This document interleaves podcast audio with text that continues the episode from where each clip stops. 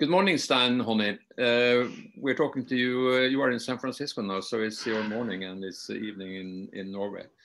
Um, we're talking to you because you are really famous um, with the three uh, disciplines in sailing. You are a world famous navigator. You won the Volvo Ocean Race. You had the round the world record uh, with the French uh, guys on the Groupama. You've, uh, as we said, you won the Volvo Ocean Race in ABN AMRO. And, uh, and not only that, you also did the graphics and the engineering of the, uh, uh, the um, uh, America's Cup uh, in 2013 and made it a huge broadcasting success. Um, and so you are an America's Cup expert. We'll talk about that. And then, as if that was not enough, you are also one of the founders of uh, offshore double, which is uh, um, a discipline that many people hope is going to be part of the Paris 2024 Olympics. I want to talk a little bit about everything. So, talk about your career as a navigator. Tell me about how, how it was to sail with the French guys uh, around the world, uh, beating the record in the uh, uh. Well, I've actually had you know two careers. I've had a you know since college I've had a normal career as an electrical engineer, working in defense and then working in vehicle navigation, digital mapping, tracking, and my love has been in you know navigation and tracking. And so then I've had the incredible good fortune that um, ever since college I've also navigated part time professionally, and um, so I've had, you know, kind of two careers running in parallel, but I've had the incredible good fortune that, you know, everything I've done since college has been related to navigation and tracking, you know, whether it was in defense or whether it was vehicle navigation or whether it was tracking hockey pucks or footballs or um, race cars or, you know, what have you. The, um, you know, the professional navigation, I've sailed I've navigated professionally part time since college, navigating on you know mostly big boats, um, and I've had the good fortune to sail with you know successful business guys, you know like Steve Fossett and Roy Disney, Larry Ellison, Jim Clark, um, Richard Branson, you know, and and in all of you know their boats. Um, but I always did it part time, right up until 2004, when um, Moose Sanderson called me and asked me to navigate the ABN AMRO and the Volvo. And at that point, I was just about 50, and I realized sensibly that if I said no to that Volvo, that was probably my last chance. And I was actually at a good time in my career to um, to leave. So I left the company I had founded, Sportvision, um, joined Moose, you know, full time, and then navigated in the uh, in the Volvo. And I was expecting to go back into my technology career. But after the Volvo in 2005 6, more interesting sailing opportunities came up. I became navigator and performance director for Team Origin, the British America's Cup team. And then, of course, that America's Cup got complicated.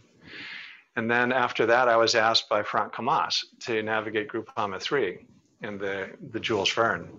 And that was an incredible honor. But the first you know, not least of which it was an honor because I'm an American.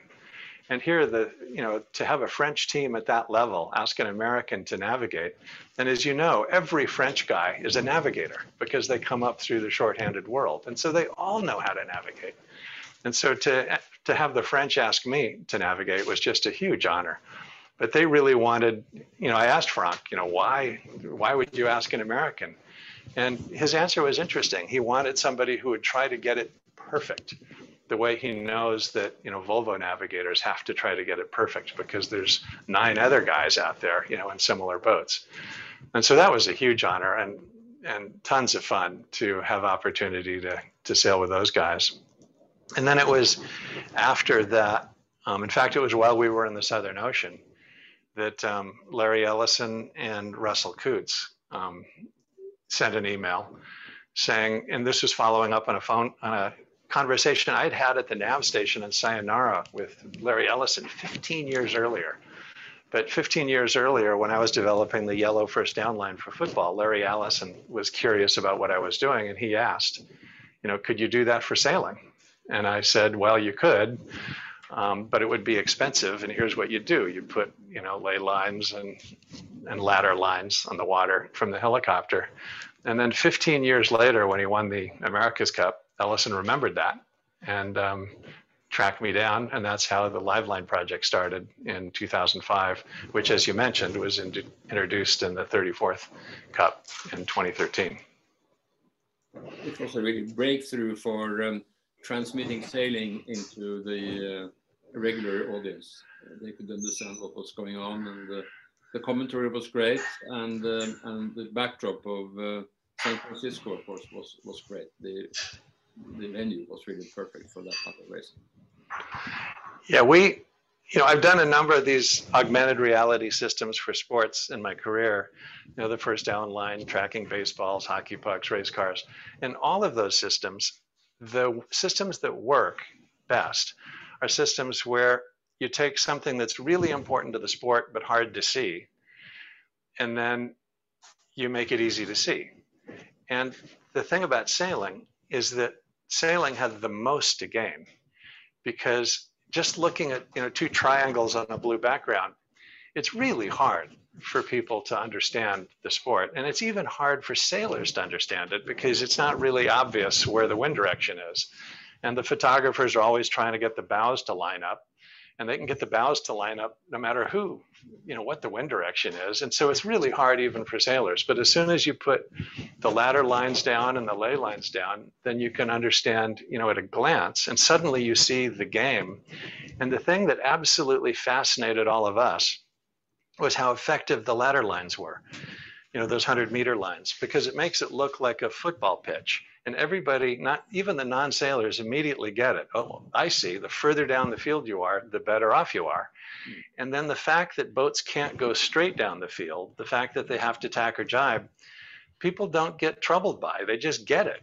It's it's really interesting how how easy that made sailing to understand for non-sailors. So I was we were all delighted to to uh, see how well that worked. Do, do you think that America's Cup, um, taking the transition from monohulls uh, 12 meters international America's Cup class into today's um, 75 foot foiling boats, do you think that has improved the America's Cup? Is it making match racing better? What do you, what do you think about it? You know, it's it's made it different. Um, some things are better. Um, you know, the the speed and the technology. So it's more like F1, where you're just a fan of the technology itself and a fan of the intrigue associated with the technology. You know, who's going to get it right and who isn't. And the differences are um, much more evident, I think, than they used to be between, you know, the subtle differences between, you know, 12s or IACC boats. Um, I do miss, you know, as an old guy, I do miss the sailors running around um, changing sails, jibing, and I miss the seamanship of you know watching a really windy race where some of the boats are getting in trouble and others of the crew or other crews are you know handling it well. So I miss the the seamanship and the obvious you know sailing.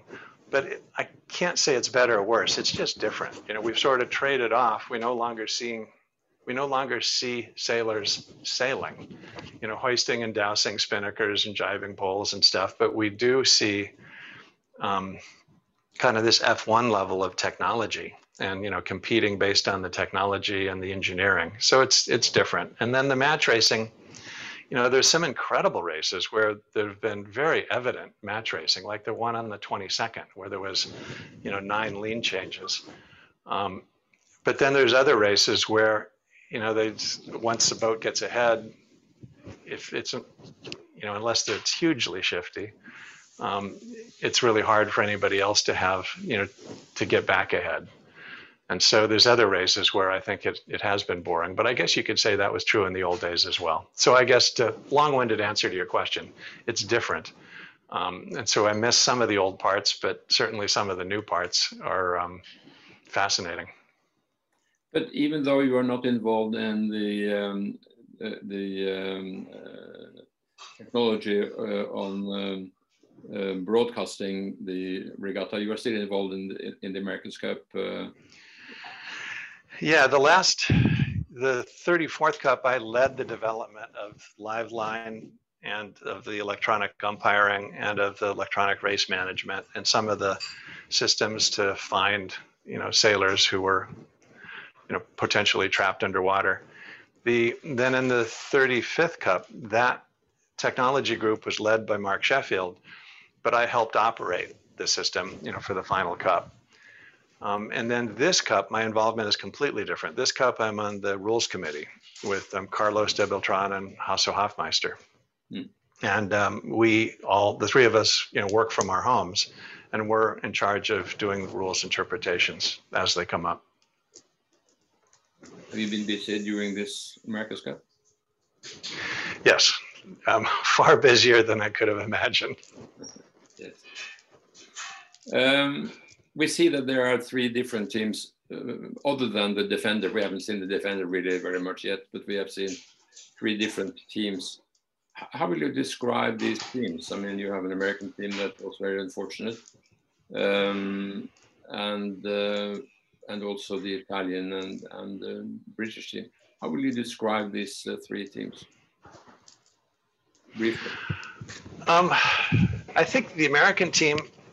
It seemed like they had incredible technical potential. Their boat seemed difficult to sail you know, watching, you know, the sailors struggle with it, but the boat seemed to have incredible potential. Then they had that, you know, incredible bad luck at the mark rounding and damaged the boat. And then um, it was an extraordinary accomplishment that they got the boat back out on the water. But having lost all that time, um, I think it was no surprise that they, you know, weren't able to recover entirely, you know, from that setback.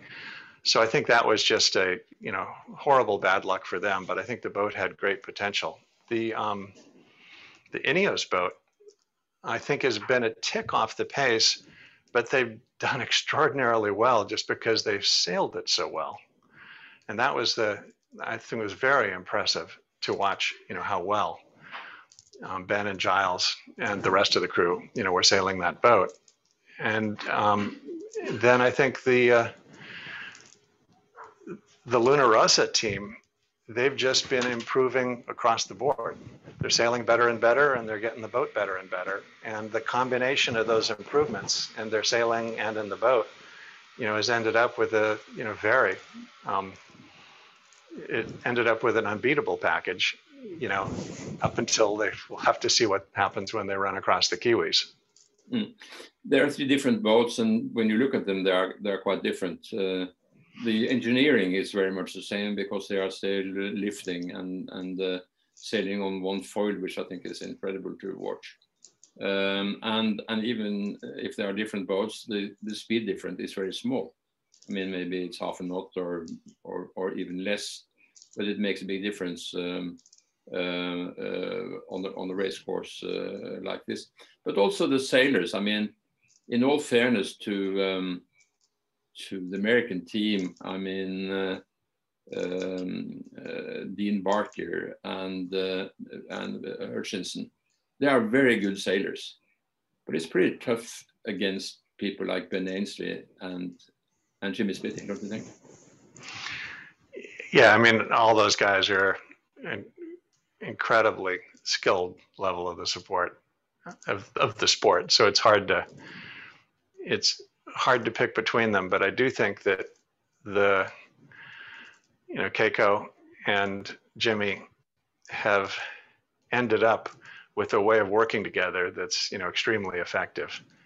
Um, and it was, I think, you know, they, we saw them struggle a little bit in the early stages to sort out the, the sharing of the responsibility. But at the end of the day, I think they've, they've ended up with an approach that's, you know, hugely effective.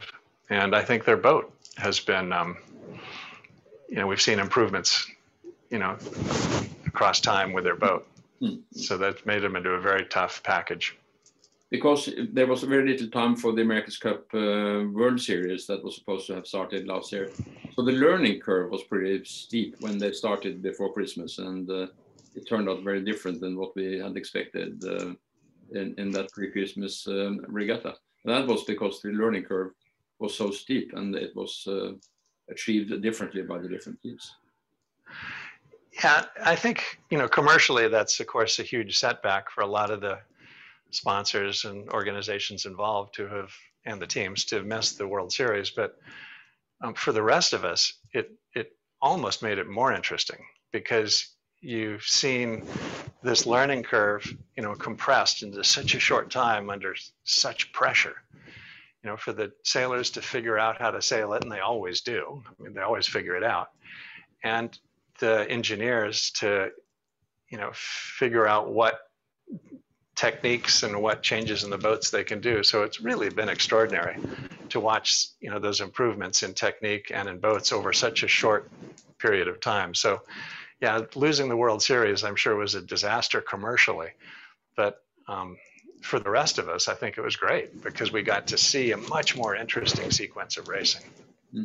Do you think that the, um, the challengers have had the, an advantage um, compared to the defender in the fact that they've had uh, these tune-up uh, races with the Prada Cup and they've been matching against each other for a long period of time, whereas New Zealand had had to practice on their own.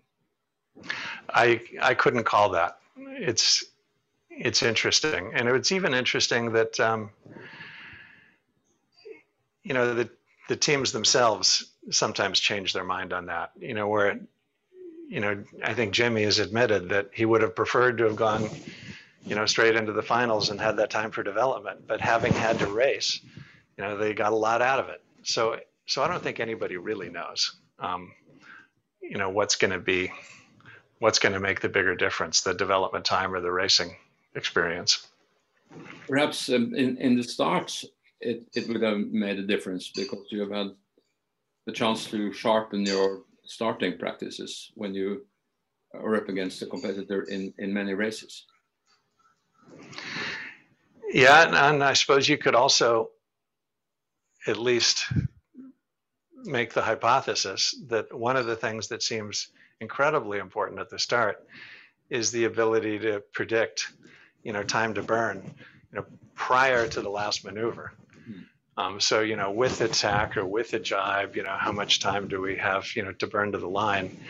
And that's the sort of thing that, yeah, you learn from racing, but you also, um, you know, if you really want to develop that quickly, you just do a ton of practice starts and, and get your, you know, your tool dialed in. But it does seem like uh, that's a really important element of the way they the, the pattern that has emerged the way they often start is that it's a big advantage if the boat really has the best prediction of time to burn with a tack or a jibe you know, to the start.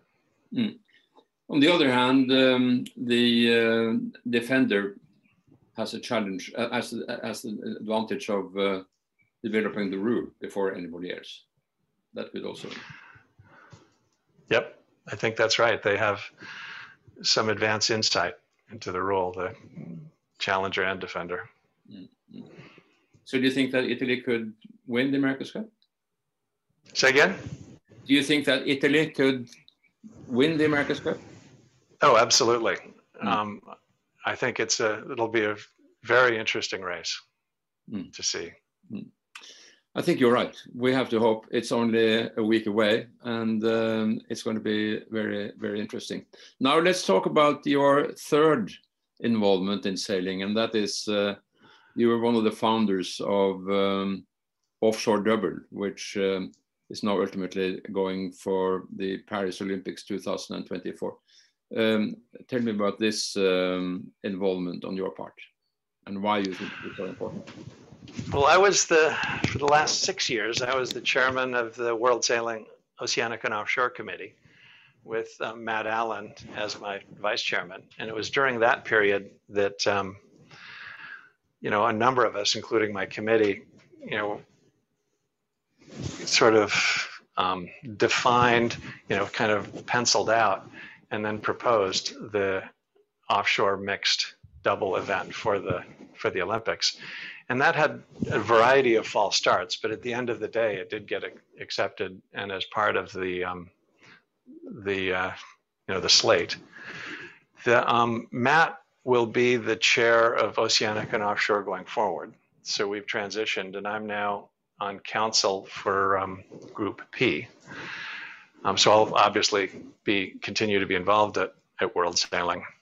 But during the process of having had that offshore doubles mixed gender event be part of the slate, we realized that in the world sailing community, there was a missing piece, meaning because we're structured it so that it's a, focused around a discipline of double-handed offshore sailing and it's not focused around a single piece of equipment meaning we haven't just picked a class and we're not calling the event the you know the the you know the name of the class. Because it's discipline based we realized there was really a missing piece. We didn't have a class organization to to represent this you know event alongside all the other class organizations.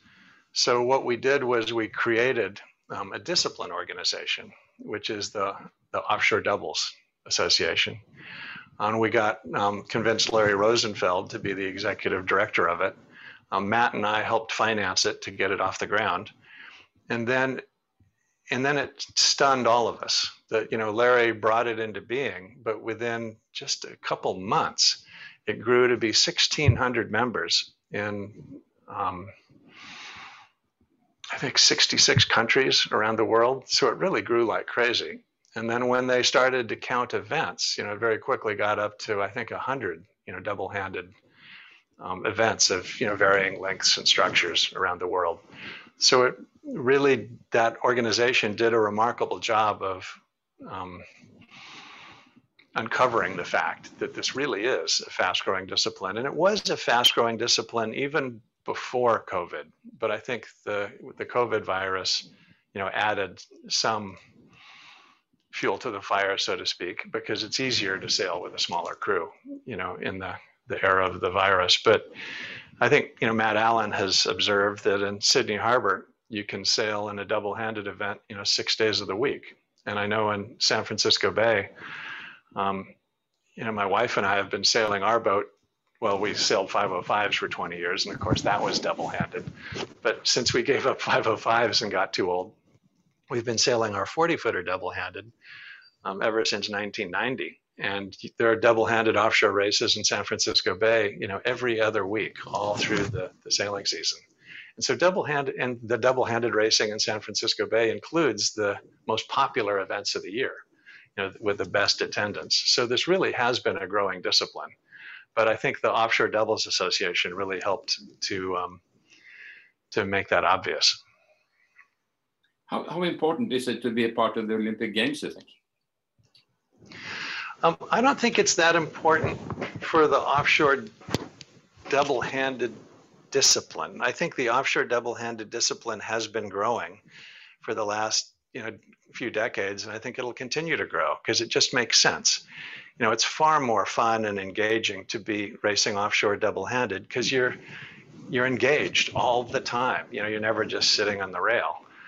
Um, so I think it's a fabulous um, part of our sport. Um, so I don't think it's important for offshore double-handed racing to be in the Olympics, but I think it's far more important than a lot of people realize for the sport of sailing to have offshore double-handed sailing in the Olympics, because I think that event has the ability to put sailing on the map in terms of um, being a media sport. And and I think that can raise a question. You know, do, do any of us care? Should it matter? You know, whether a media we're a media or a sport or not? And from the kind of sailing that all of us do individually, you know, for recreation, it probably doesn't matter. But if we're going to be an Olympic sport, um, then the sport really needs to be viable. And I think sports do get um, measured for their value to the Olympics in terms of how interesting they are. And the problem that sailing has is that sailing is really interesting to sailors. You know, the stories about is that a persistent shift or is that an oscillating shift or did that boat have an overlap before the zone entry? I mean, we get all that and we love that stuff, but that's of no interest, you know, to most um, sports fans. Um, whereas the thing about the offshore event is it will be the longest endurance event in the entire Olympic Games. And the story won't be about esoteric aspects of sailing. The story will be about human response to incredible to an incredibly stressful situation. So you'll have these two people and, you know, in a three or four day endurance event, the longest endurance event of the whole Olympics, they have to decide, you know, how much rest are they going to get and how hard are they going to sail and they have enormously difficult decisions to make tactically. They're under a lot of, you know, competitive, you know, performance pressure. And there will be teams that make the mistake of, you know, trying too hard, not getting enough sleep, making a mistake late late in the race.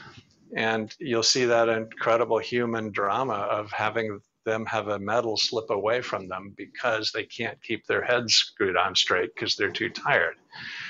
And I've had, I mean, as you know from our previous conversation, you know, I've worked a lot of my career in professional sports.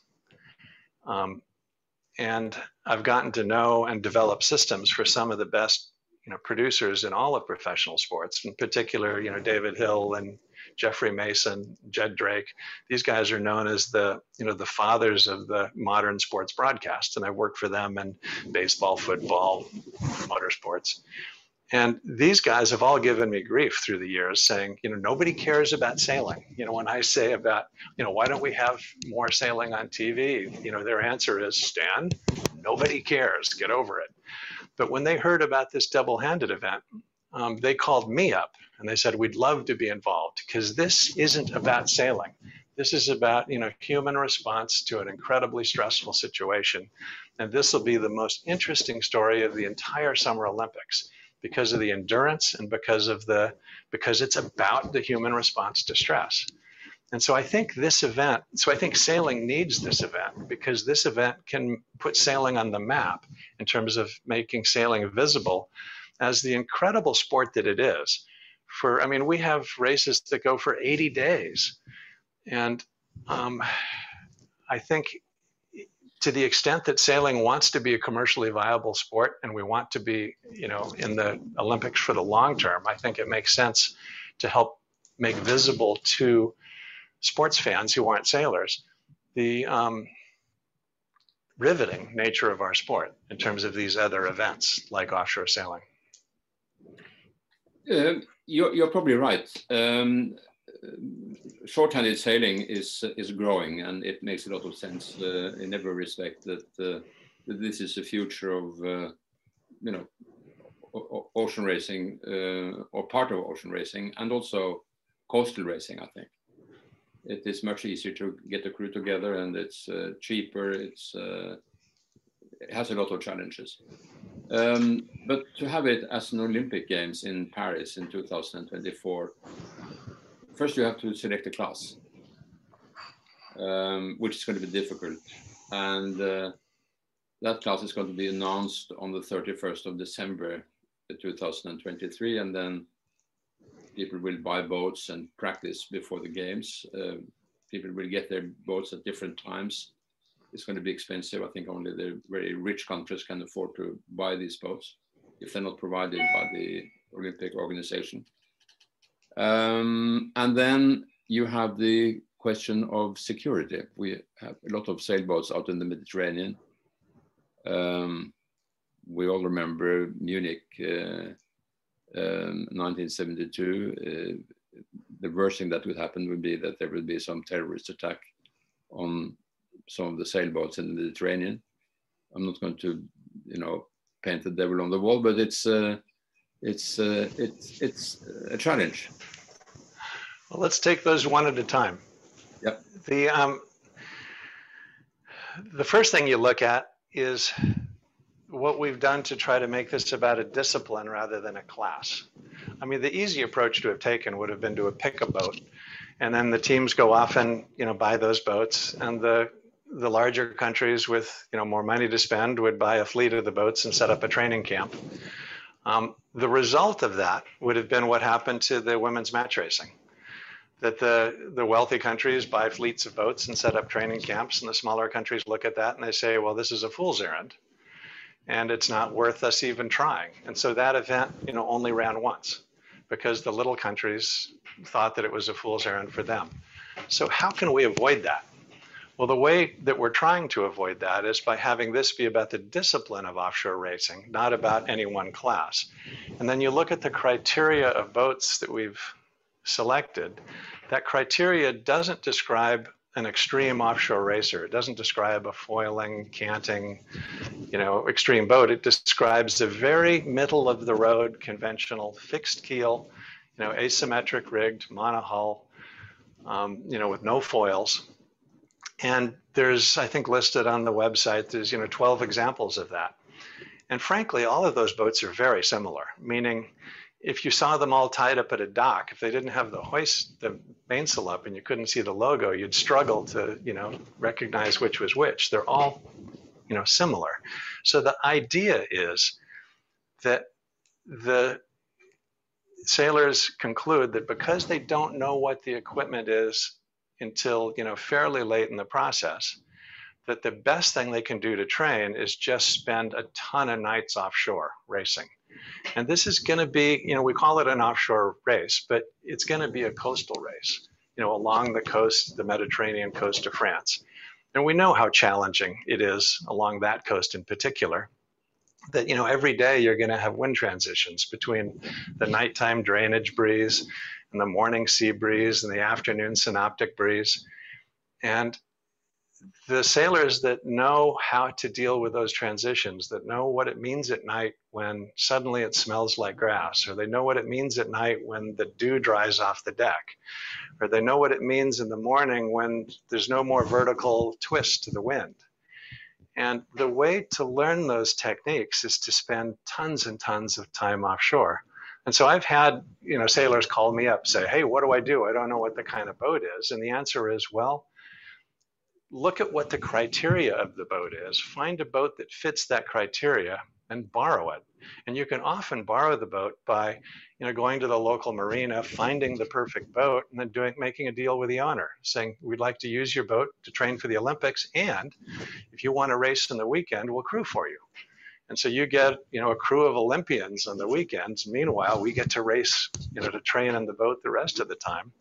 But I do think, especially for this small country, if they had, you know, a couple of sailors who wanted to train for this event, you know, they can find a boat in the local marina that fits the category. But if they spend, you know, 150 nights offshore, um, they've got a good shot at the event because I don't think this event like a lot of offshore racing. I don't think it's going to get won like a Volvo does, where you're you know a hundredth of a knot faster on a on a reach, and you just spend day after day after day after day you know reaching up and down the Atlantic. I don't think that's what's going to determine this. I think what's going to determine this is somebody making the call correctly on the transition because they're a better seaman and I think that that is the skill to really go after. So I think as it happens, for a small country and for a, you know a crew, this could in fact be the cheapest event because these boats exist. There's you know, tens of thousands of them around the world that you know boats that fit this criteria. You know they can be borrowed and used, you know, and trained in. You don't need to bring your own boat to the Olympic Games. It's supplied equipment, you know, at the games, and even the equipment at the Olympic Games. These are boats that are going to meet OSR Category Two, so these are going to be strong, seaworthy boats that are going to have a long life, you know, after the Olympics. And one can even argue for the boat manufacturer that supplies the fleet for the Olympic Games. One could even argue that the fleet of boats that get used for the Olympics is going to be worth more after the Games than it was worth before the Games you know, because of the, you know, the paint job or the just the prestige of having been used in the Olympics and gotten dialed in by Olympians. So I think, so it is interesting that the event gets criticized for being expensive. And I'll admit it does look expensive. You know, these boats are expensive, and you see these big boats out in the water, and it looks like an expensive event. But, you know, for a small country, it may actually be the cheapest event because you know it's not cheap to have two NAC to, to have two NACRAs, and at the end of the Olympics you don't have much. You know, you've kind of used them up. Whereas you know for an event like this, um, I think you know if you had a couple of sailors in a smaller country, this could actually be the most attractive and the most affordable you know event to take a run at. Um, the safety issue is also interesting. One more thing regarding these boats. Do we know that they are being financed and being provided for free to the Olympians? Uh, for the Olympic Games, yes. Mm. Um, so that the um, there will be a fleet that's provided at the Olympic Games, and then the teams will show up and they'll probably have a drawing, you know, for their boat, um, you know, a week or two before the the race, and then there'll be, as with all offshore sailing, there'll be no um, redress. So the teams will have to, you know, get their boat. The boats will all be equalized. The teams will have a week or so to get familiar with their boat and to inspect their boat for any latent defects. And then during the race, they got to take care of their boat because if they break it, they can't win. How do they qualify? Um, the qualification scheme is still being discussed, but one of the proposals is that you know let's assume that there's you know 18 boats in the finals, and even that hasn't been nailed down. But assuming there's eight, you could have um, you know in the Hague you could qualify for nine, and then the you have the French that give it get a buy. You probably have a last chance regatta at the scene of the Olympic Games where a boat, another team can get in, and then you'd have the six continental qualifiers. So for each of the you know Olympic continents as defined um, for world sailing, there'd be a qualifier there. So then the small countries again, it would look pretty reasonable to them because they would look at it and think, okay, if nine boats are going to qualify at The Hague, and that happens first, that'll probably take care of a lot of the powerhouse countries in offshore sailing. So the French are already in, but you know, Great Britain, Australia, New Zealand, you know, I'd, I'd love to say U.S. was a powerhouse. Um, but nevertheless, a bunch of those countries will qualify at The Hague. And so then for the continental qualifiers, that's pretty darn attractive to the small countries. Um, when you talk about the Hague, that's because Hague is the host of the uh, World Sailing uh, Regatta two years before. Right. And then at the Hague, because the Hague, the regatta runs over a long period of time, and our race is just, you know, three days, you could have multiple heats. So you could structure the Hague to say any country that wants to show up can show up and have a go, and then you have multiple heats, and then the winners of those heats all race in the finals, and then the top nine boats of the finals, you know, are qualified. But again, I'm I'm describing this as if it has been decided. It hasn't. This is just one of the proposals that has been kicked around, and it's a proposal that I think is pretty attractive because it it takes it deals with the fact that everything is late because of the virus.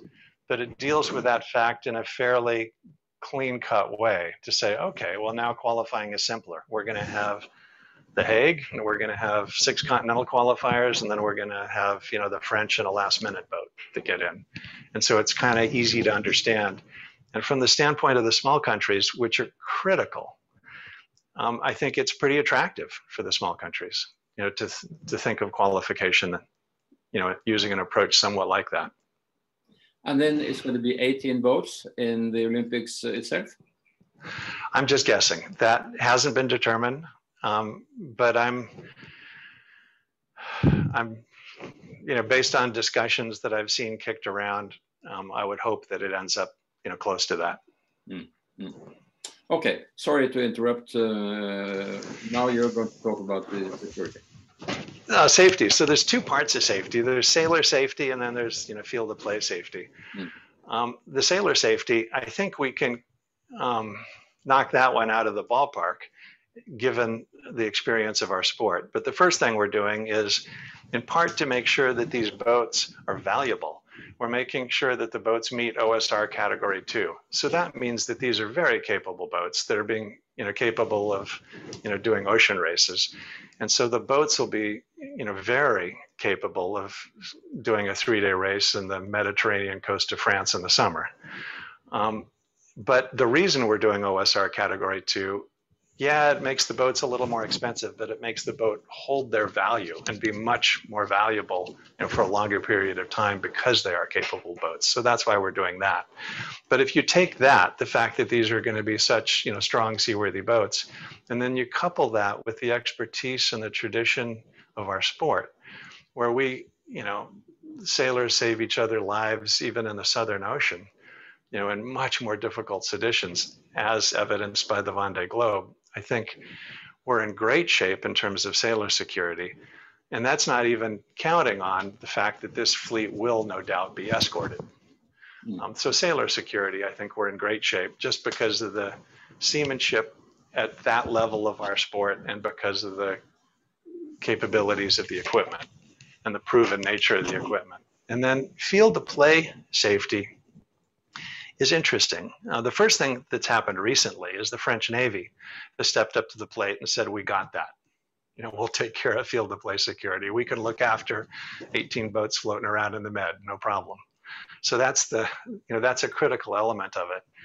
Um, having been to, you know, hundreds of sporting events, you know, over my career, um, I would observe that there's some advantages to you know looking after field of play security for you know 18 boats out on the ocean relative to you know marathon runners that are running along a track where there's hundreds of thousands of spectators right next to the track or a stadium with 50,000 people in the stadium. I mean all of these things have very different security challenges but you know there's some security people that will tell you that you know looking after 18 boats out on the ocean is easier because you can see what's around them and you can you know keep open space around them but in any event um, nobody doubts the you know French Navy's ability to look after that, and the French Navy has stepped up to the plate and said that they'll take care of it, and they'll do so at no charge.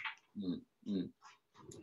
Great. I think that uh, we have a lot of things to look forward to. Now it's the America's Cup, uh, and then it's the uh, Tokyo Olympics, I hope. Um, we will know uh, for sure. I know that the IOC president had a press conference today. I missed that because I've been talking to you, but uh, I don't know what, what he had to say. I hope he didn't cancel the Olympic Games. Um, and in any event, it's really been a, great pleasure to talk to you. You cover uh, really the entirety of the sport, and we could uh, talk for hours. I could listen to you. It would be extremely uh, enlightening, but we have to end.